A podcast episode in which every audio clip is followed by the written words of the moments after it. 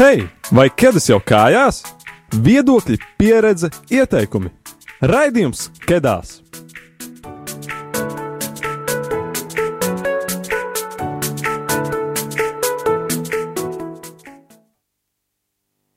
Hei! Ilgi gaidīts, beidzot ir pienācis 2. septembris un mūsu pirmais trešās sezonas raidījums. Un uh, kas tad mēs esam? Mēs esam Kristīgu jauniešu veidots raidījums Kedās, kurā runājam par mums un visai sabiedrībai svarīgām, aktuālām tēmām, un tāpat arī cenšamies paraudzīties ārpus stereotipiem un meklēt atbildes arī uz nērtiem jautājumiem, par ko parasti cilvēki un jaunieši izvairās runāt. Un mūsu raidījuma kedās mērķis ir raisīt diskusijas par dažādiem sabiedrībā aktuāliem tematiem un rosināt cilvēkos interesi līdzdarboties nozīmīgu problēmu risināšanā. Un, ja tu vēl nezini, kur mūs var dzirdēt, tad mūs var dzirdēt katra mēneša pirmajā trešdienā, pulksten astoņos vakarā, Radio Marijā ēterā, FM 97,3 un Hirdis platformā. Un, protams, arī šajā sezonā mēs piedāvājām Facebook un Instagram balsot par tēmām, un jūs, mūsu klausītāji, izvēlējāties priekš šī septembra raidījuma produktivitāti. Un, protams, mēs uzklausījām jūsu viedokli, un tātad arī šodien runāsim par produktivitāti, par personīgo produktivitāti un vēl dažādām lietām ap šo. Un pie mums, kā jau parasti, arī ir viesi. Šodien tie ir Kristaps Kravalis un Egils Purviņš. Sveiks, Egil! Sveiks, labvakar, Kristap! Labvakar! Kristap, vai mūs dzirdi? Vakars, es jūs dzirdu, man ir privilēģija būt trešās sezonas pirmajā raidījumā. Vai forši jūs esat jaudīgi? Super! un uh, tad varētu jūs uh, iepazīstināt ar sevi, varbūt tad Egil, tu varētu sākt.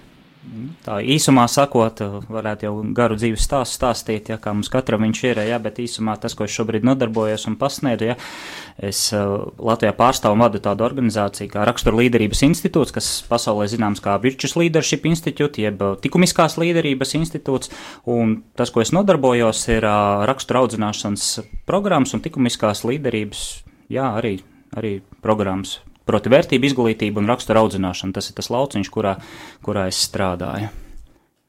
Super, un uh, Kristap, iepazīstini mūs ar sevi. Jā, es, es priecātos, ja es arī varētu tā pateikt vienu organizāciju.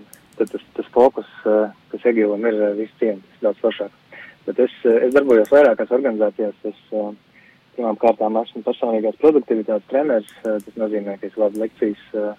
Visā Latvijā skolās, uzņēmumiem, komandām, skolotājiem, individuāli ar cilvēkiem arī strādājot. Un tad man ir divi tādi mazāki uzņēmumi. Viens ir High Potential, kur mēs nodarbojamies ar personības izaugsmi un tādu vispusīgu veselīgu dzīvesveidu. Un tad otrs ir Play Potential, kur mēs nomājam spēles, veidojam aktivitāšu programmas. Un uh, es esmu arī LELB, jeb Latvijas evaņģēlas kultūriskās baznīcas jauniešu nozares un jauniešu centra vadītājs. Nu, un paralēli ir vēl dažādi mazāki un lielāki projekti, bet uh, tas varbūt šodien vēl par to parunāsim. Un, uh, Kristap, tu pie mums jau esi bijis, vai ne? Uh, es esmu pie jums bijis. Uh, Jā. es, es gan uz sitienu nevaru atcerēties, vai tas bija par mentālo veselību, vai tas bija vēlreiz par. Tas bija par mentālo veselību, jā. Jā, jā. Pagājušajā jā. sezonā. Uh -huh. Un, uh, jā, prieks, ka jūs esat šodien šeit ar mums un it īpaši trešās sezonas pirmajā raidījumā. Un, tā kā tēma ir produktivitāte, mēs arī sociālajos tīklos aicinājām mūsu klausītājiem atbildēt uz jautājumu, kas viņuprāt ir produktivitāte. Un no visām iesūtītajām Instagram atbildēm mūsu mīļākā atbilde bija, ka produktivitāte ir liekā svara uzkrāšana zie ziemas sezonai. Krista, varbūt tu varētu pastāstīt, kas, kas ir personīgā produktivitāte? uh, jā, mēs varētu dažādos līmeņos runāt, jo tad, kad es to pētu, viens līmenis ir praktiskais ikdienas līmenis, kur vienkārši sarunu valodā cilvēkiem jāsaprot, kas tas ir. Uh, un tad ir tāds akadēmiskais līmenis, uh, un būtībā produktivitāte kopumā nāk no ne, ne, ne humanitāras sfēras, tas nāk kā vairāk no rūpniecības Bet uh, mūsdienās, nu, no 20. gadsimta otrās puses, būtībā ar personīgo produktivitāti nu, saprot to, ka, mums, ka mēs kā cilvēki spējam radīt mums vēlamu rezultātu visefektīvākajā veidā, izmantojot mums dotos resursus. Tas nozīmē, ka, kur stāv cilvēks, viņam ir dažādas dzīves sfēras, viņš grib radīt noteiktu rezultātu, kāds to sauc par mērķi, kāds to sauc par vīziju, ko viņš tur grib sasniegt, kad grib sasniegt noteiktu rezultātu. Un tad ir dot resursi, lai to izdarītu. Un jo efektīvāk šos resursus mēs lietojam, jo uh, un, un labāk sasniedzam šos rezultātus, jo labāk ir mūsu personīgā produktivitāte. Bet, ja jums patīk līdzībās, tad var visādi runāt. Darīt pareizās lietas pareizi, uzkrāt uh, svaru, ja, vienai un tā tālāk. Tad, uh, diemžēl, produktivitāte īsti nav liekās svaru uzkrāšana, ja? Es produktivitāti definēju kā vēlamā rezultāta radīšanu, visefektīvāk izmantojot dotos resursus, kas mums ir. Tas ir laiks, enerģija, nauda, citi resursi.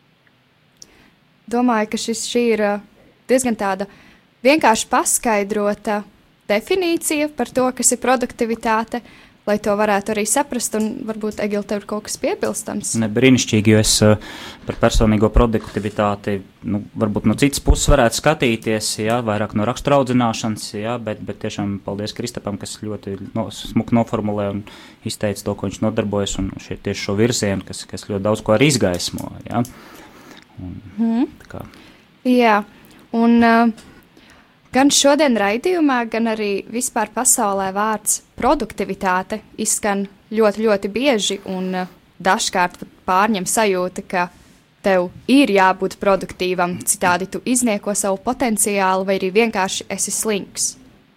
Tieši par šo, par šo, šo piemēru, vai Egīla, vai tev varbūt ir kādi komentāri vai tas ir veselīgi? Jā, nu, droši vien Kristaps varētu no savas pieredzes pastāstīt, viņš ar to ikdienā strādā, jā, bet es varētu skatīties no tāda vairāk morāla teoloģiska vai baznīcas sociālās mācības viedokļa, jā, ka mēs dzīvojam laikmetā, kurš ir uh, šis individuālisma laikmets, jā, un šis lielais temps, jā, ka mēs dzenamies šī patērētāja sabiedrības vide, jā, kas liek mums, teiksim, gan dzīties gan pēc panākumiem, gan pēc šiem rezultātiem, jā, ka cilvēks patiesībā aizmirst sevi jābūt apmātam ar, ar izaugsmi, ar, ar, ar šo produktivitāti, kas varbūt tās ir tādas, nu, varbūt šīs medaļas, nezinu, otra puse vai, vai negatīvās blaknes, ja, kad, kad cilvēkam liekas, ka viņam dzīvē nekas cits nepastāv, kad viņš tikai, tikai iet uz izaugsmas treniņiem un, un, un, un, un, un, un, un tikai, tikai vēlas tikai sevi pilnveidot, ja, un tas parāda to, ka mēs dzīvojam individuālismu laikmetā, kad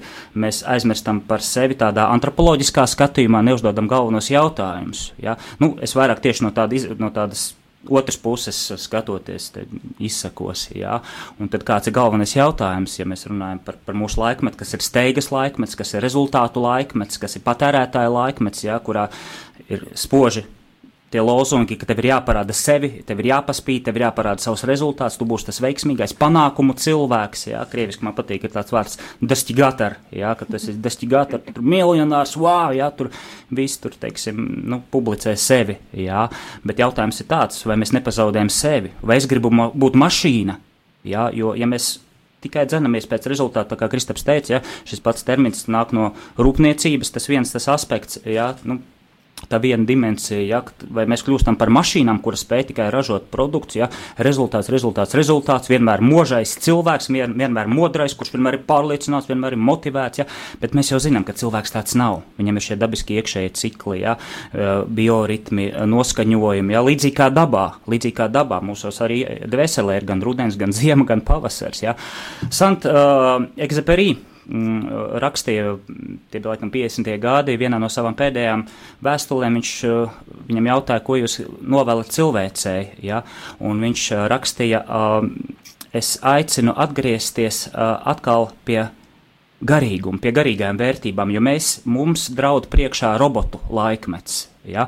Un tie bija tādi egzeperīti pravietiski vārdi, kad uh, gan visas tehnoloģijas attīstības, gan šis dzīves uh, ritms, kā mēs redzam apkārt, uh, mēs jau vairs nesatiekamies tiešsaites un, un, un viss ir online, ja? kad tas ir izaicinājums, lai mēs nekļūtu par mašīnām. Mēs nedrīkstam pazaudēt, pazaudēt uh, šo cilvēku identitāti. Un te ir jā, jārunā tieši uh, jā, šis jautājums, vai es gribu būt mašīna. Un arī jauniešiem, protams, arī es esmu studējis gan, gan izaugsmas lietas, gan, gan daudzas citas šos jautājumus pētījis, jā, tad tas, teiksim, no manas puses o, jautājums ir, kurš šajā visā ir cilvēks. Mēs nedrīkstam aizmirst cilvēku, jā, un es domāju, Kristaps varētu komentēt, jā, kāds ir šis līdzsvars, jā, un, un, un, un, un kā teiksim, šo produktivitāti padarīt tiešām kvalitat, kvalitatīvu, kas mums palīdz šos vēlamos rezultātus sasniegt, nepazaudējot savu identitāti. Un par identitāti tad varbūt es pēc tam vēl varu pieminēt. Mm -hmm.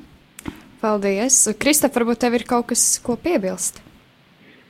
Jā, forši bija interesanti padomāt arī līdz, ko Egils teica, un es piekrītu, piekrītu lielākai daļai. Un, Un es savā pieredzē strādājot ar cilvēkiem un, un arī pētniecībā skatoties uz produktivitātes jautājumu, um, ir, ir skaidrs, ka tāds pa līdzsvaru, protams, tikai tajā brīdī, kad mēs sakam līdzsvars, katrs no mums, katrs cilvēks kaut ko par citu saprot. Un līdzsvars tas ir uh, starp to, ka no vienas puses patiešām mēs, uh, nu, viena mūsu daļa mūsos kliedz, ka mums ir vajadzīgs uh, progress un izaugsme un arī sasniegumi, kas ir veselīgi mūsu psihē. Eh, bet tad ir otra puse jautājums par metodēm, par to, vai tajā visā procesā tieši, kā Igors teica, nekļūstu robotisks. Un, un to līdzsvaru katram, es domāju, individuāli diezgan ir jāmeklē, bet viens, kas ir skaidrs, es nolasīšu tādu varbūt sarežģītu polstu, ko es biju ielicis 19. gada 23. februārī savā produktivitātes lapā. Man bija tāds pārdoms tieši par to otru pusi, kas ir, kas ir teiksim, pārāk, pārāk daudz robotizēt to visu. Un, un tas pausts bija tāds, uh, ka personīgā produktivitāte tās dziļākajā nozīmē ir iespējama tikai tad, kad mēs varam būt mierā ar brīžiem, kad mēs neesam produktīvi. Un, un tieši, tieši tieksme pēc kaut kādiem tādiem nesaprastiem, nenodefinētiem personīgās produktivitātes standartiem, tas bieži kļūst par tādu galveno izdegšanas faktoru. Līdz ar to, jā, tās ir, protams, par līdzsvaru, bet neatmetot nevienu no pusēm. Jo bieži vien tas populārais ir tā kā izmest, kā saka, nu, ir tāds teiciens, izmest bērnu kopā ar visu ūdeni no vannas. Tas nozīmē, tur ir, tur ir kaut kas, kas ir jāizlai, tas ir tas ūdens, bet to bērnu, kas ir tie, tie vērtīgie produktivitātes rīki, un tas, tas labais tajā to mēs neizmetam. Eh, kas ir konkrēti katram, tas būtībā tas diezgan individuāls jautājums ir, jo ir jāprast, kur katrs tiecās, eh, kas ir no psihoterapijas viedokļa, no psiholoģijas viņā iekšā notiekošs, kā viņš skatās uz dzīvi, ko viņš grib sasniegt ar produktivitāti un tā tālāk.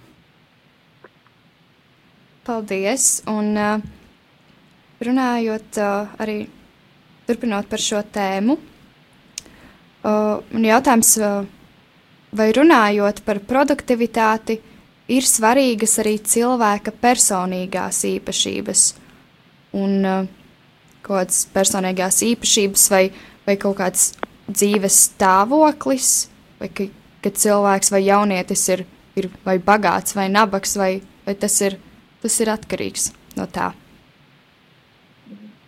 Jā, es pieļauju, ka Egils kā rakstur, eh, cilvēks, kas ar raksturu strādā ikdienā, varbūt tev ir kādi komentāri sākumā?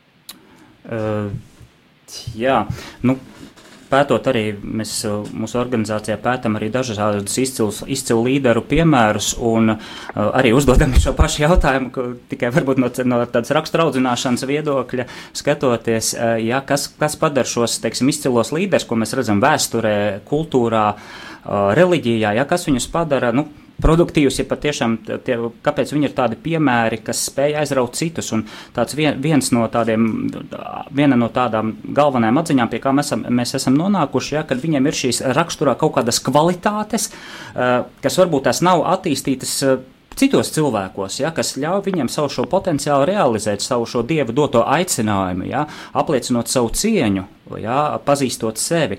Un Teiksim, kaut kā tāds piemērs, tāds Herbs Kellehers, viņš bija, viņš pagājušajā gadā aizgāja mūžībā, viņš bija Southwest Airlines kompānijas izveidotājs, tā, tā ir tāda avio kompānija Amerikā, ja, un viņa sapnis bija, kad izveidot avio kompāniju, kad lidojumi būtu pieejami visiem cilvēkiem, ja, ka mēs varētu ar, ar pārvietoties ar lidmašīnu, tāpat kā mēs iesēžamies autobusā vai, vai vilcienā, ja, un viņam bija tāds tāds princips, ka uh, viņa, viņa darba vietā viņam nebija uh, darbiniekiem resursu nodaļa. Nu, tas tā dīvaini, parasti nu, darbinieki ir kā, kā resursi. Ja viņš teica, nē, mani darbinieki nav resursi, man, man, mums ir personāla nodaļa, mums, mans katrs darbinieks ir, ir personība. Ja? Un viņš savus, savus padotos vai savus kolēģus audzināja, kad uh, viņš, viņš iedvesmo, viņš teica, jums katram neatkarīgi no tā, katram darbiniekam ir jābūt līderim. Vienalga, vai jūs čekojat biļetes, vai jūs kraujat čemodāns, vai jūs kā stjuards apkalpojat cilvēks, jums ar savu piemēru un dzīves kvalitāti ir jāliecina, ja? jāiedvesmo cilvēkus. Ja? Un šādi līderi mēs skatoties vēsturē, kaut vai Michelin kompānijas izveidotais Edvards Mišlēns vai, vai, vai, vai teiksim, uh, nu, kaut kā tā pati Māte Terēza vai Žanda Darka vai Scott and Pepper uh, vadītājs uh, Darvins Smits, ja, kas uztaisīja revolūciju šajā kompānijā. Mēs viņu vēlāk varam skatīties, viņi tur uz Procter Gamble aizgāja. Un, uh, šādas personības, kuriem bija šīs tās morālās, augstās morālās vērtības, mēs nonākam pie secinājuma, ka, tas, ka viņas balstās tieši rakstura īpašībās. Un vēl par Herbu Kelleheru es gribēju pateikt, ka viņam bija klienti viņa avio kompānijā, kas teica, ka kad, nu, nu, tur kaut kāda neapmierināta, kaut kas nepatīk, kaut kādas sūdzības, un viņš vienmēr teica, ka kad, uh, ja jums nepatīk mana kompānija, jūs varat uh, lidot, izvēlēties lidot ar citām. Es savus darbiniekus pazīstu, pazīstu un es viņus aizstāvēšu. Ja? Protams, viņam bija dziļ, dziļa šī teiksim, iekšējā uzņēmuma kultūra, kas viņu padarīja kā personību ļoti uh, nu, cilvēcisku, arī spožu, arī autoritatīvu. Jā, viņš nebija boss, kura, kura vara balstās tikai statusā, jā, bet viņš bija autoritāte. Protams, ar savu raksturu viņš spēja iedvesmot, iedvesmot savus darbiniekus. Jā, un līdzīgs piemērs ir Michelin riepu kompānijas vadītājs, un to es stāstu, nestāstīšu laika dēļ, jā, bet uh, Edvards Michelins, kurš izveidoja kompāniju, jā, tajā laikā uh, šajā kompānijā gribēja strādāt uh, visi Francijas iedzīvotāji. Kāpēc? Tāpēc, ka viņiem bija iekšējā kultūra, katrs cilvēks tika cienīts. Jā. Līdz ar to ir kaut kādas cilvēkā kvalitātes, kas viņu padara par uh, Jā, par personību. Mēs runājam par personību. Ja, ja mēs atdalām cilvēku cieņu no teiksim, no efektivitātes, no produktivitātes. Ja? Mēs nedrīkstam, nedrīkstam atņemt cilvēku identitātei viņa cieņu. Ja? Un augstā līmeņa līderi, es domāju, Kristaps piekritīs, arī ir pētījis šos jautājumus. Ja? Viņam ir bijusi šī arī cilvēciskā puse. Viņš ir bijis ne tikai efektīvs, ne tikai produktīvs, bet viņš ir bijis arī pirmkārt personība, cilvēks. Un šīs kvalitātes balstās tieši raksturā.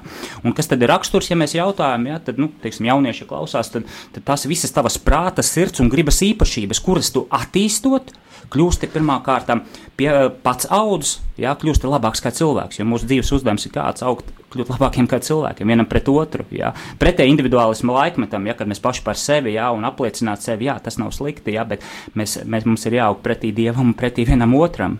Jā. Un tad, teiksim, raksturs ir tas, kas tev kaut vai šīs īpašības, apdomība, taisnīguma izjūta, cēlsirdība, pazemība, uh, uh, drosme, izturība, jā, šie rakstura tikumi, viņi tev palīdz kļūt tiešām uh, teiksim, tādā uh, efektīvam pēc būtības, jā, jo tas ir tavā raksturā. Tās nav metodas, kuras tu apgūsti aizējot uz kādu vienu treniņu, jā, tur, teiksim, tā kā tagad populāri, jā, visādi posti tur un tā, jā, tur pieci soļi, kā spoži runāt par radio, vai astoņas metodas, kā no rīta būt motivētam, vai deviņas, deviņas metodas, kā likt komandai sasniegt mērķi. Jā, tas nav slikti, tas palīdz mūsu prātu disciplinēt, jā, bet kā, man, tas jautājums jautājums no manas puses, ja, kā es kā cilvēks varu kļūt labāks. Jā, protams, izmantojot, ja, kā Kristaps teica, ja visus tos pieejamos resursus, kas man ir doti, kas, kuri man palīdz augt, augt ne tikai pašam, manam ego, manai, manai tai ārējai personībai, bet man augt kā cilvēkam pretī citiem cilvēkiem. Lai es ar savu piemēru spētu liecināt, iedvesmot arī citus uz izaugsmi. Es augu pats, un es esmu ar savu dzīves, ar savu dzīves kvalitāti apliecinu arī citiem jā, cilvēkiem. Es viņus atbalstu, es viņus cienu, es viņus paceļu. Jo tā līderības, likumiskās līderības būtība ir, ka tu esi nevis tas, kurš boss, ja kur ar tevi ir vara un status, bet tu esi, tu kalpo ar savu piemēru, tu spēj iedvesmot citus cilvēkus uz izaugsmu. Man liekas, tas ir, tas ir tāds, teiksim, nu. Tās ir šīs rakstura īpašības, ja, kuras audzinot sevi, ja, tu vari kļūt par personību. Ja? Un tad jā, tā parādās šī efektivitāte, produktivitāte. Nu, ja teiksim, runājam par raksturu, ja, ja, es, ja es esmu apdomīgs, ja es sevi vingrinu apdomības tikumu, es spēju izvērtēt realitāti, es spēju pieņemt, pieņemt pareizus lēmumus.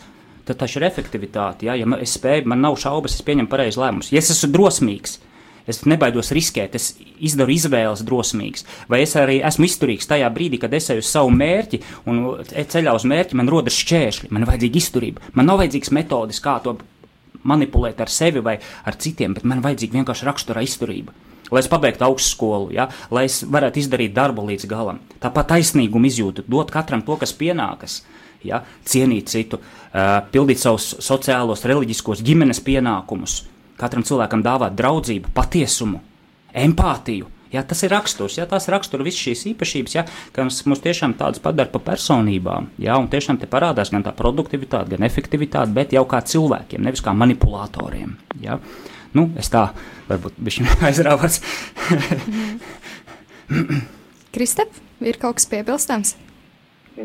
Jā, es domāju, īsuminoši tika pateikts jau, un īsumā no manis, tad, jā, raksturam, protams, ir nozīme, liela nozīme tam, kā es esmu veidojies un kāds priekšstats man ir atstājuši vecāki un modeļus, tam, kā viņi, nu, cik viņi bija efektīvi un arī kāds bija viņa raksturs un ko viņi man atstājuši kā bagāžu, pozitīvu vai negatīvu.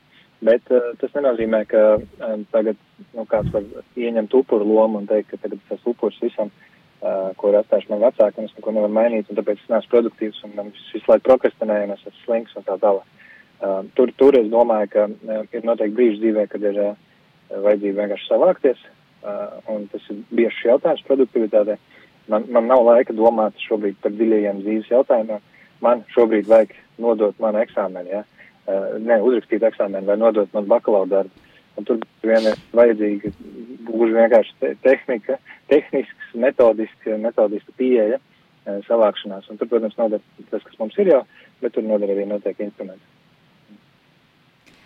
Un e, vai produktīvs vispār ir īpašība, kas būtu jāpiedēvē cilvēkam?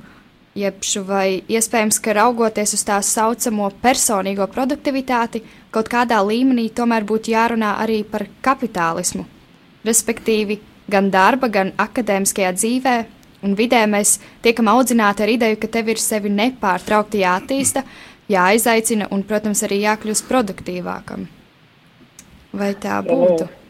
Protams, mēs tam vārdam varam, nu, viņš, viņš izraisa pretreakciju bieži vien produktivitāti. Un uh, man jāsaka godīgi arī, arī uh, iemesls, kāpēc es septiņas gadus varu braukāt uh, pie, pie Latvijas dažādiem uzņēmējiem, strādāt ar komandām, uh, strādāt konferencēs, ir veiksmīga vārdu spēle uh, mārketingam. Nozīmē nevis, ne, piemēram, uh, kā savākties un sasniegt mērķus, bet kā būt uh, efektīvam un produktīvam. Nevis uh, kā, kā būt labā veselībā un justies spēcīgam, bet enerģijas menedžments. Uh, nevis kā izdarīt uh, darbus, bet izpildes stratēģijas. Uh, nevis kā tur savākt visu saukt pa plautiņiem, bet pašorganizācijas prasmes. Ja? Līdz ar to mēs varam lietot daudz eh, nu, sarežģītākus eh, vārdus un tā tālāk. Līdz ar to es, es zem tā, mēs varam to nosaukt arī citādāk. Bet es domāju, ka šis vārds produktivitāte, ja mēs to lietojam no nu, tādā vēsturiskā kontekstā, ok, viņš ir, viņš ir tāds, kur, kurš ir saistīts ar, ar mūsdienu laikmetu, ar kapitāla sabiedrību, ar, ar, ar patērētāju sabiedrību, ar to, ka no mums ir bižamieki, kā no produktiem kaut ko, ka mēs, ka mēs radam produktus. Bet no otras puses tas ir, es domāju, vecs, tā, tā ir veca vajadzība, kā pasaule vienkārši tas jaunā veidā nodefinēts, un tas atbild uz joprojām tām sasošām vajadzībām, kas mums ir bijušas. Tā. Nu, jā, patiesībā Kristaps ļoti labi, labi, labi, labi uh, izskaidroja, ja, tāpat tās līdzīgi arī manā, manā, manā darbā, ja, ka pretruns rada tā šis, šie termini tikumiskā līderība, ja, un tad jaunieši parasti, parasti brīnās, ja, nu, kas, kas es tagad runāšu, ja, tikumisks vārds, ja, kas ir ļoti novecojis, tagad mūsdienās es ar universitātes dažiem docentiem konsultējos, ka arī šos jautājumus rakstura audzināšanas pēta jau tādā zinātniskā vairāk līmenī, ja, dziļāk, un, un viņi saka, tagad nav moderni jauniešiem teikt tikumisks, ja, tagad ir, mēs ieviesam citu terminu, tas ir, tas ir rakstura tur morālie ieradumi. Jā, jo likumisks tas kaut kas arhaisks, ja nu, tautas dziesmas, vai arī, ja, ja daudz, daudz jauniešu domā, ka, nu, es to viņās teikšu, vai drīkst meitenei dot rociņu, vai bučiņu uz vaigu, vai cik īsiem svārciņiem jābūt, ja, un sajauc, teiksim, tur, kur vairāk jau ir par tiklību runāt, runa, jā, tiešām par šo varbūt kaut kādu intīmo pusi, par attiecībām, jā, tad likumisks, nu, ir, jā, diemžēl jāskaidro arī, jā, arī apakšā, kad, nu, mēs runāsim par raksturu, jā, kā raksturs, audzinot raksturu, tu spēj būt par piemēru, iedvesmas avotu citiem, kur parādās tā, tā līderība pēc tādas būtības. Jā. Nu, lūk, bet, nu, jā, runājot par šo laikmetu, es jau, man liekas, arī izteicos, ka jā, mēs dzīvojam šajā, šajā laikmetā, jā, kas ir ļoti, ļoti tendēts uz šo determinismu vai uz voluntārismu, jā, jo visā izaugsmas industrijā, nu, ir šī tieksme būt šim voluntāristam, proti cilvēkam, kas ar šo gribu sasniedz, ja, kas spēj sev parādīt, ja, kas spēj nostāties priekšā, ja, tur, nezinu, iekarot impērijas, uzcelt Manhetenā divus torņus, ja, izveidot biznesu par visu, pa visu pasauli, ja, nu, tas ir tāds līderis, ja, tas cilvēks, viņš ir produktīvs, ja, redz, kā viņam tur, tur baigi labi iet un tā, ja, bet mēs zinām, ka uh, tas var novest arī pie determinisma, ja, ka mēs sāksim iedalīt cilvēkus, uh, kad, nu, rekur ir tie, tie, tie, tie, tie efektīvie, ja, tie, tie līderi, ja, kas, kas tur, tur veido biznesu pa visu pasauli un tā tālāk, jā, un, un, un rekur ir tie lūzeri, jā, un, un vai, teiksim, šis pats teiciens, ja esat dzirdējuši, nu, mm, kļūst par sevis labāko versiju, jā, un it kā, nu, saprotam mēs, ko tā domā, bet ja mēs skatāmies no tāda kristīgā skatījuma punkta, jā, tad mēs zinām, ka te ir jārunā par identitāti, jā, vai mēs tiešām vēlamies būt sevi, nu, protams, jā, atbildot uz, uz, Sintīs jautājumu, ja mēs, mums ir cilvēka dzīves aicinājums, ir augt, nemitīgi pilnveidoties. Ja? Tas mums ir ielikts eh, mūsu, mūsu dvēselē, ja? augt fiziski, pilnveidoties, uzturēt savu veselību, augt garīgi, ja? attīstīt savu intelektu, izglītību, emocijas, izkopt. Ja? Uh, jā, bet, teiksim, runājot par šo sevis labāko versiju, tādā kristīgā skatījumā mēs saprotam, ka nu, Dievs nespēlēs ar versijām. Viņam nav viena labākā izdevusies versija, un viens, viens tas, kurš ne, neizdevās, nu, viņš, viņš sorry, šoreiz, šoreiz nesanāca. Ja? Ehm, mēs runājam, ka, ka cilvēks ir, mēs katrs esam Dieva bērns, bet nevis tādā poetiskā skatījumā, bet pēc identitātes mēs esam Dieva bērni. Mēs katrs esam aicināti, gribēti un mīlēti šajā pasaulē. Ja? Un es, viens no maniem arī virzieniem ir, es strādāju arī cietumo, cietumā, jā, tur ir tāds kurs, vērtīgs dzīves pamats, un es satieku cilvēkus, kas uh, kas, kam ir nu, pavisam citi dzīves stāsti. Ja? Un, un, un viņi brīnās, ja, ja es sāku runāt par kaut kādu izaugsmu, par, par uzplaukšanu. Viņi man stāsta piemērs, cik, cik ļoti šie dziļie ievainojumi, cik ļoti sabiedrības ir tā neredzamā puse. Ja?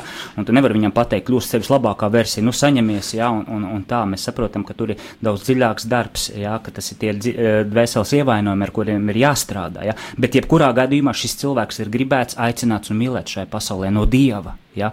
Un uh, mēs zinām, ja, ka mēs esam nu, filiācijas rezultātā, ja nu, tādiem teoloģiskiem terminiem izsakoties, ja mēs esam Dieva bērni, ja mēs esam pieņemti būt par viņa, viņa bērniem. Ja, un līdz ar to mēs nevaram nošķirt uh, to, ka nu, rekur tie, efektīvie, ja, un rekur tie, kas, nu, diemžēl nesanāca. Ja. Nu, ja mēs tāds, teiksim, skatāmies no identitātes skatījuma punkta, ja, ko nozīmē mūsu identitāte un vai mēs varam augt, jā, mūsu aicinājums ir augt, mūsu aicinājums ir uzplaukt, jā, uzplaukt, attīstot savus talantus, apzinoties savu misiju, apzinoties savu, sevišķi jauniešiem tagad jaunais gads sācies, jā, mācību gads, un, un atrast tos mērķus, atrast talantus, kas pazīt sevi.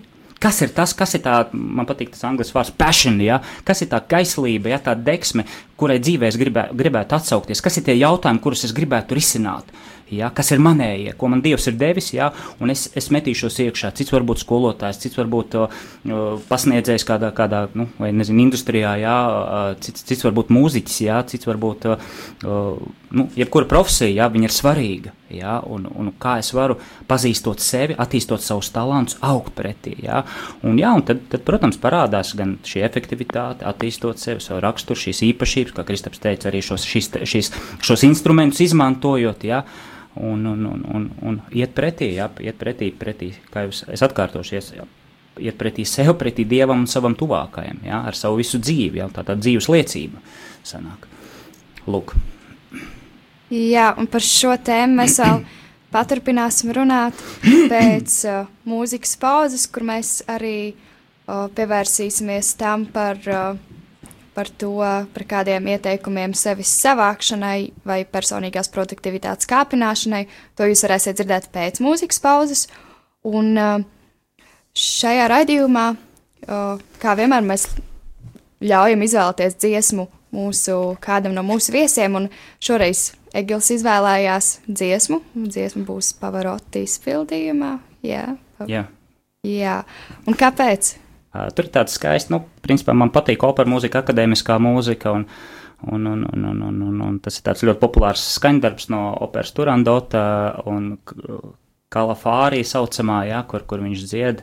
Tur ir tāda skaista frāze, tāda kulminācijas pat pašā skaņdarbā, kur viņš dzied, ka rīta gaismā es uh, celšos un uzvarēšu, un uh, rītausmā es celšos un uzvarēšu. Ja. Es droši vien neprecīzi izsaku šo tulkojumu, ja, bet uh, tā doma ir tāda, ja, uh, tas tāds varbūt simbolisks skatījums, ka mēs skatāmies uz, nu, nu, kā, kā kristieši, kā ticīgi cilvēki, ja mēs skatāmies uz augšām, celtā, augšām celto Kristu, kurš ir uzvarējis nāvi, uzvarējis mūsu nepilnības, uzvarējis grēku, ja, un mēs zinām, ka lieldienu tradīcijā mēs, mēs gaidām, jā, gaidām šo uzvaru, kas, kas ienāks arī mūsu sirdī, jā, kad, kad Kristus uzvar mūsu nepilnības un mūsu pārveido. Jā. Nu, es tā ļoti simboliski jā, to aprakstu, bet, bet nu, tāpēc varbūt šis skaņdarbs liekas īpašs.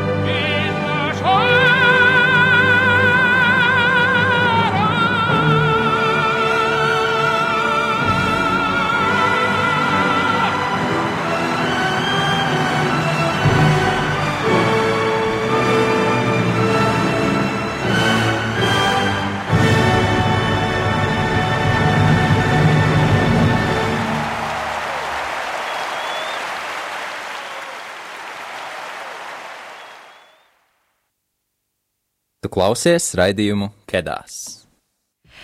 Tieši tā mēs esam atpakaļ no mūzikas pauzes, un uh, tu klausies raidījumu Kedās.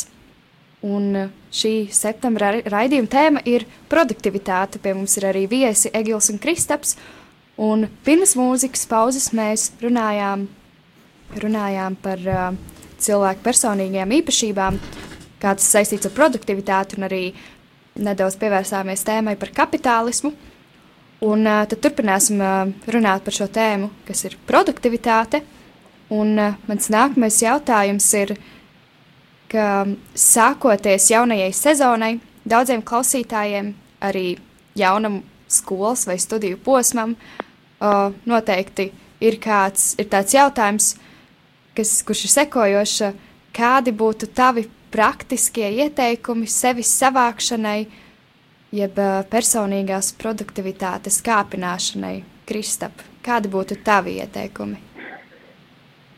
Jā, interesanti, ka tu saliki kopā sevi savākšanai, jeb personīgās produktivitātes kāpināšanai, jo protams, tas, jaut, tas jautājums ir, tas jautājums ir nu, ko, ko nozīmē sevi savākt, kas ir bijis izkaisīts. Un, uh, manā pieredzē, tīpaši ar studentiem strādājot, tas, kas tiek izkaisīts, ir, ir tāds veselīgs dzīves ritms, attiecīgi studiju procesā un dažādās dzīves sfērās, tā kā pieaug pieprasījums pēc manas enerģijas, pieaug sarežģītības pakāpe, kā man visu organizēt, ko man darīt, kādām prioritātēm ķerties, kā vispār sev atvēlēt laiku. Tajā brīdī ir nepieciešams kaut kas, kas nostabilizē man dzīves ritmu.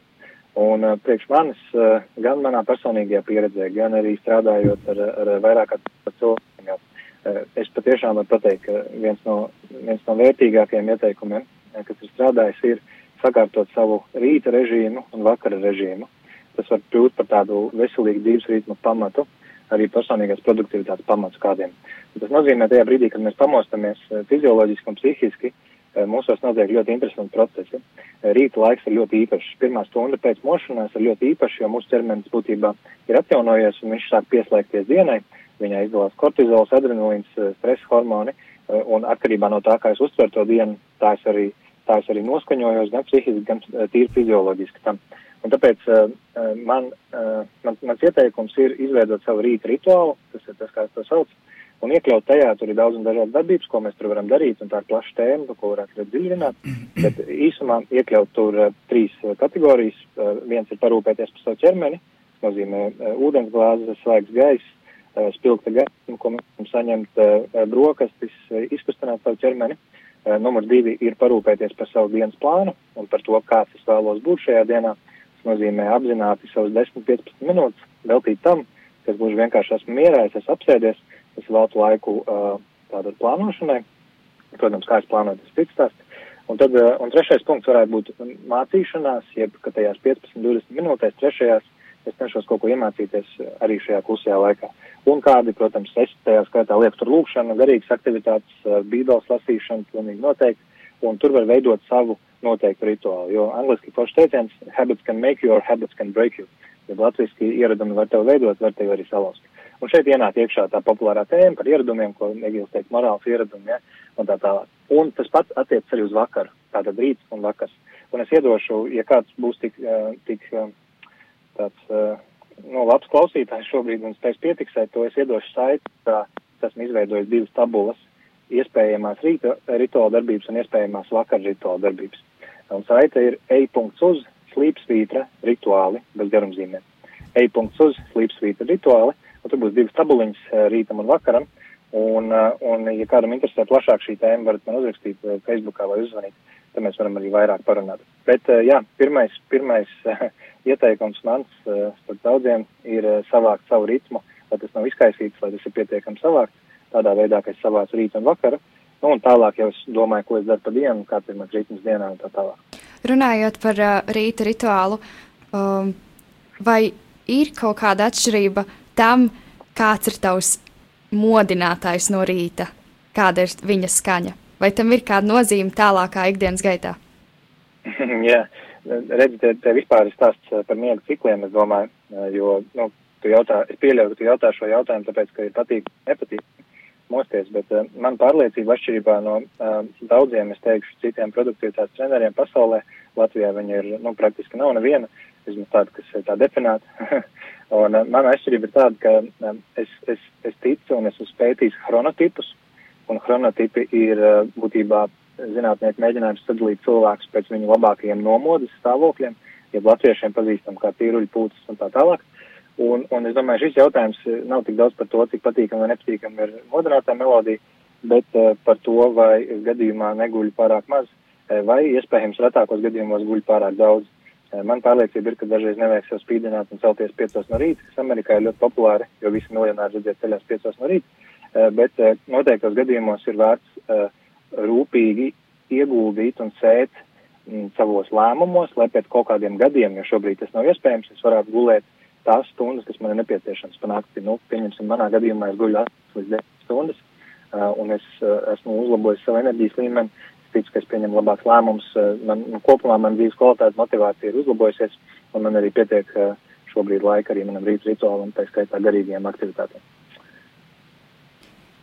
Jā, Egil, Ne. Nav piebilstams. Izcili, jā, brīnišķīgi. Jā, nu, es vien, vien, varu pievienoties Kristapam, jā, es arī ievēroju rīta rituālus, un arī esmu, es pēc sevīm vienkārši esmu novērojis, ka tas tiešām nu, darbojās jau, jau arī gadiem, jā, kad šis rīta režīms, un esmu arī cīnījies pats ar savjā, sava, sava, saviem netikumiem, jā, ne tikai tikumiem, bet arī netikumiem, jā, un, un agrāk tas bija, tas bija, nes no savas tādas ikdienas dzīves var padalīties, jā, kad uh, bija šis netikums vēliet gulēt, jā, kāda filma, kaut kas jāpalasa, kaut kas vēl telefonā jāpaspaida, jā, vēl, vēl nedod Dievs kaut kas jāpēd, jā, un, protams, ka tad nu, nekādas, nekādas možais gars un produktivitāte tev, tev līdz pēcpusdienai nevar būt, jā, bet tik līdz tu izmaini šo režīmu, jā, viennozīmīgi tev mainās visa, visa dienas kvalitāte, jā, un, un, un, protams, nozīmīgākā daļa ir tas, tas rīta, rīta puse, kuru tu spēj sev veltīt, es arī ceļos pirms mana ģimene mostās, jā, jo tad es zinu, ka sāksies vienkārši jēzga, jā, ceļos kaut kur apmēram stundu pirms ģimenes, un jā, arī, kā Kristaps teica, ir šie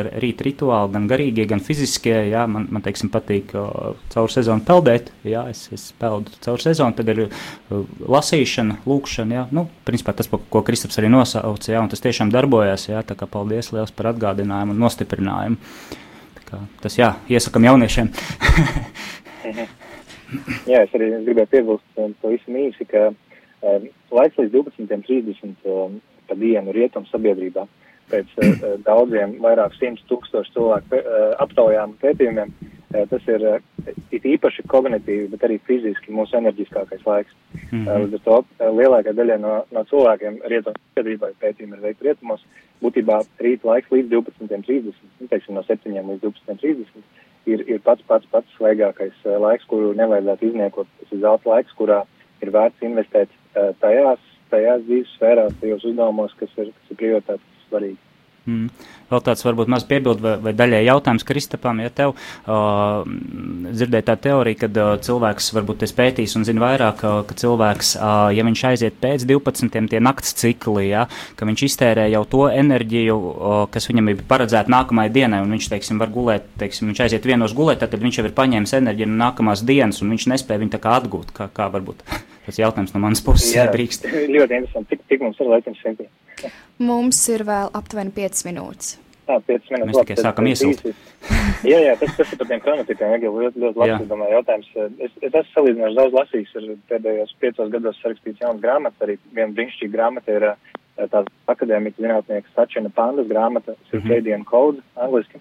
Un, un īsumā, nu, vispār tie miega cikli, viņi lielā mērā ir saistīti ar, ar sauli un, un tumsu, attiecīgi ar dienu un nakti.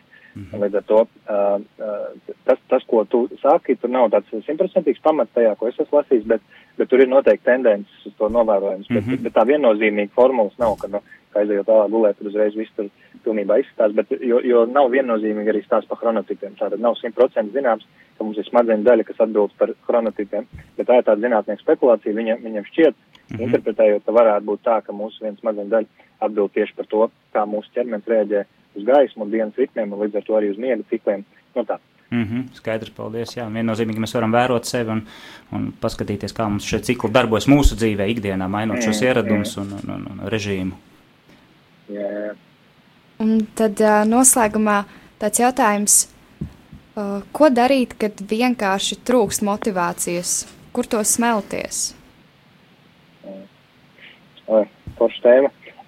Es esmu no tiem, kas uh, es zinu, ka ir divas tā, divi tādi flangi. Viena saka motivācijas vietas un uh, motivācija, nu tā kā tas ir tās novazāts vārds un nevajag motivēties vai vienkārši dzīvot. Un tad ir otrs flangs, kas saka, ka motivācija ir viss un bez motivācijas mēs nevaram. Un patiesībā fizioloģiski tā arī ir. Nu, dažkārt to sauc par motivāciju, tā kā dzīvot un darboties. Bet uh, kopumā, ja mēs runājam par motivāciju, es vēlreiz gribētu atgriezties pie. Jā, es, es pats uzskatu, ka motivācija ir, ir, ir vērtīgs vārds, man viņš patīk. Es domāju, ar viņu ir kā ar dušu. Uh, Daži saka, motivācija pāriet katru dienu, nu, tad tā tīrība no dušas jau arī pāriet, viņa ir vērtīga pa laikam uzsveršanāt. E, un, un um, es savā pieredzē novērojis tādu, tādu fenomenu, ka ir, cilvēkiem ir noteikti tādi, es to saucu par mežonīgās produktivitātes periodiem. Un, uh, un tas parasti notiek dažādu apstākļu ietekmē. No viens ir, uh, ka, ka apstākļus pievērt cilvēks, tā kā dzīvnieks ir piespiests pie sienas un viņam ir jāsavācās. Un, uh, un līdz ar to viens motivācijas faktors varētu uh, būt uh, vienkārši sagaidīt spiedīgus apstākļus un tad izdarīt to, kas ir jāizdara, kā tas daudziem arī notiek. Un tas ir variants, kas paņem daudz resursus no mums, no mēs kaut ko upurējam tam pretī. Bet ir tādi noteikti, nu, savā ziņā veselīgie varianti, un tie ir saistīti ar fizioloģiju un enerģi, enerģijas līmeņu pacelšanu. Tas ir dažādi tīri, tīri fizioloģiski veselības ieradumi, ko mēs ikdienā veicot varam um, nu, palielināt arī tās saucamās laimes hormonus un to, kas notiek fizioloģiski mūsos. Līdz ar to no turienes arī bieži vien tīri fizioloģiski nāk šī motivācija. Līdz ar to tāds zems motivācijas līmenis, kā cilvēks ar slinkums nevar savākties, lielā daļā gadījumā ir tāds fizioloģisks stāsts par to, ka tas dzīves ritms ir tik ļoti izsists un ieradumi ir tādi, kas enerģijas līmeni mētā augšā lejā daudz stiprāk nekā bioloģiski cikliski tas ir paredzēts. Nu tā, tā, kā, tā kā mans viens ieteikums būtu parūpēties par veselības veidu ieradumiem, lai cik tas banāli klišejiski nes, neskanētu, bet, protams, ir arī citi. Vai ir vēl kaut kas piebilstams par, par šo tēmu? Mm. Par pašu produktivitāti. Jā, varbūt par motivāciju es, es vēl tā kā mazliet uz atpakaļ no savas puses tāds, tāds teiksim, arī savu pieredzi. Uh, ne pieredzi tāds, tāds tāds jā, piemērs, kad viennozīmīgi sevišķi jauniešiem, man liekas, ļoti svarīgi, ka, kad ir tas, tas drives, ja, kas, kas, teiksim, tevi dzen uz priekšu, dēļ kā tu no rīta celies, ja, un, protams, mēs visi gribētu no rīta pamosties un tā kā atspērs izsprāgt no gultas, jā, šodien jauna diena, super, jā, bet, protams, mēs zinām dabiski, jā, arī kā Kristaps teica, jā, visi tie mūsu iekšējie procesi, jā, ka mēs nevienmēr tā varam, jā, ir fizioloģija un, un ritms iekšējais un visi ieradumi, tas viss mūs, mūs, mūs demotivē, ja tā varētu teikt, jā, bet, teiksim, tas, kas, teiksim, nu, man palīdz, jā, tas viennozīmīgi ir atgādināt sevi, sev uzdot jautājumus, kurien es eju, kāds mans šodienas dienas mērķis ir, ja kāds vispār tāds varbūt tās uh, mans dzīves mērķis, un uh, par tiem, mēs tajā brīdī, kad mēs runājam par tiem rīta rituāliem, ja, uh, es pats personīgi izmantoju tā, ka man ir uh, savā plānotājā, ja es no rīta cenšos katru dienu, vai tā, kad trūkstās motivācijas, jā, at, atgādināt sev, man ir sarakstīti desmit mani dzīves tādi sapņi vai mērķi, kurus es vēlos piepildīt. Jā, tie ir saistīti ar ģimeni, tie ir saistīti ar man, man, mana paša maniem personīgajiem tādiem sapņiem, jā, kurus es vēlētos dzīves laikā realizēt. Un tas, jā, tas, tas tev pied, iedod tādu, tādu, tādu dzīvību. Jā, tu atceries, pirmkārt, atgādini sev, dēļ, kā tu dzīvo, uz kurien tu ej, kāda ir tava atbildība. Jā, un, un, un tas, tas teiksim, tāds, tāds viens no. no no atgādināt sev, jā, atgādināt sev, kas tu esi un uz kurien tu ej, jā, un, un kāds ir tavs dzīves izaicinājums. Jā. Vienkārši elementāri uzrakstot uz lapiņas un, un, un katru rītu sev. Bet šim, protams, šiem mērķiem ir jābūt nevis tā, tādiem sausiem, jā, bet viņiem ir jābūt tiem, kas mūs iedvesmo, kas mūs atceroties paceļ tā, teiksim, spārnos, jā, tādā draivā, ka jā, bāc, bet es taču gribēju, es gribēju pabeigt augšskolu, pēc tam doties tur, tur vai, teiksim, ģimeni vai māju uzcelt. Nu, ir mums šādi katram savi personīgie sapņi, kas mūs iedvesmo, jā, un tas arī viens no motivatoriem. Protams, par motivāciju runāt arī ļoti plaša tēma. Es domāju, ka Kristapam arī semināri vairāk, arī es esmu vadījis seminārs. Ja? Tā ir ļoti plaša tēma, bet nu, var runāt arī par šiem diviem veidiem. Ja? Es citreiz minu, ja ir divi veidi motivācijas. Ir uh, burkāniņš, ja? kad mums piesola kaut ko. Ja? Nu, tu, tu, teiksim, ja tu labi mācīsies kā bērnam, tev, tev, tev nopirkšu jaunu riteni, ja? vai teiksim, darbiniekam, tu, tu labi strādāsi, bū, tur, tur to un to izdarīsi, ja tev būs algas pielikums. Ja? Tā, tas ir tas burkāniņš, kā ezelītim, viņam kaut kas priekšā garšīgs. Otra motivācija ir nocirsta kāja. Ja? Nu, es nezinu, meitenes, jūs kāds varētu, kādu varētu, Sinti, no, noskrēt šobrīd 50 km. Noteikti nē. Ja es pateiktu, es tev nocirtīšu kāju. Es domāju, tu norāpotu. Ja? Un tā ir tā negatīvā motivācija, ja? kad mūs motivē caur, caur tādiem draudiem, ja? caur kaut kādu agresiju, ja bērnus, bērniem parasti sodīšana. Ja? Bet, nu, teiksim, no manas puses iesaka katrs to motivāciju, kurai mēs paši ticam, kas mūs, kas mūs iedvesmo tiem mērķiem, ja? kas liek mums tiešām celties, atcerēties, ja? daļ kā tu dzīvo, uz kurieni tu ej, ko tu vēlēsies sasniegt, ja? un kas ir tas, tas skaistais, brīnišķīgais, um, mēs likumiskajā līderībā runājam, raksturā atsaukties skaistā aicinājumam. Ja? atsaukties tam brīnišķīgam, ko katrs mums, mūsos, ko Dievs katrā mūsos ir ielicis. Tie ir mūsu talanti, tie ir tie cilvēki blakus, ja? un tas piešķir pietiekami daudz plašu skatījumu, ja? lai mēs dzīvotu pilnvērtīgi un katru dienu celtos un iet uz priekšu. Paldies! Un, uh, diemžēl mums ir jau jāveic uh, mūsu šī mēneša raidījums. Paldies, Egil, paldies, Kristap, uh, ka bijāt. Paldies katram. Pateicos. Un, uh, un uh, paldies, paldies arī mūsu Kedās komandai, un tad uh, tiekamies nākamajā raidījumā 7. oktobrī.